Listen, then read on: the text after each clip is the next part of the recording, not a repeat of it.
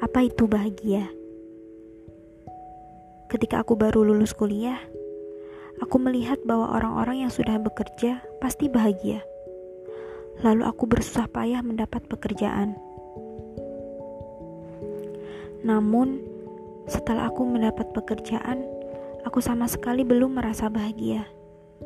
Justru sebaliknya, hatiku gusar dan cemas karena aku merasa gajiku kurang memuaskan. Lalu aku melihat teman sekantorku yang gajinya lebih tinggi dariku. Lalu aku membayangkan, aku pasti bahagia jika aku memiliki gaji sebesar gaji temanku. Aku merasa akan bisa membeli sesuatu yang sangat aku inginkan, yang saat ini belum bisa aku beli karena gajiku yang sekarang. Lalu aku pindah kerja ke kantor baru dengan gaji di atas gaji teman kantor lamaku. Tapi sama saja, aku masih belum merasa bahagia. Padahal aku sudah bekerja dan gajiku sudah lebih tinggi. Lalu apa yang salah? Aku berpikir mungkin aku belum puas karena aku belum mengerjakan apa yang aku suka. Suatu pekerjaan yang sesuai dengan passionku. Lalu aku mulai mencari pekerjaan baru yang aku rasa akan sesuai dengan passionku. Setelah lama mencari, aku mendapat gambaran pekerjaan apa yang cocok denganku. Setelah membulatkan tekadku, aku mulai berjuang mendapatkan pekerjaan yang aku idamkan. Dengan izin Tuhan, akhirnya aku berhasil. Sekarang harusnya aku sudah bahagia dong.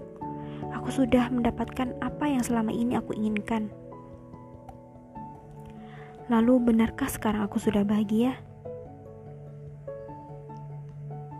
Ketika merasa tidak puas dengan apa pun yang kita miliki dan merasa akan puas dengan sesuatu yang kita miliki, maka hidup selalu terasa sangat berat. Padahal harusnya kita menikmati setiap prosesnya. Banyak dari kita yang berharap kehidupannya bebas dari masalah. Namun, tidak ada hal seperti itu.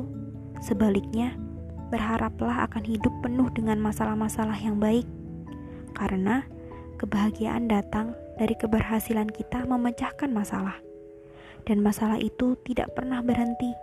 Mereka hanya datang silih berganti. Kebahagiaan yang sejati akan terwujud hanya jika kita menemukan masalah dan kita menikmati proses pemecahannya. Bukannya terburu-buru ingin pindah dari satu masalah ke masalah berikutnya. Di podcast ini, aku ingin sharing tentang puzzle-puzzle kehidupanku yang tentunya enggak mulus. Aku berharap akan banyak orang yang sadar bahwa mereka enggak sendiri. Setiap manusia punya cerita-cerita kehidupan yang unik, dan kita semua terlahir spesial.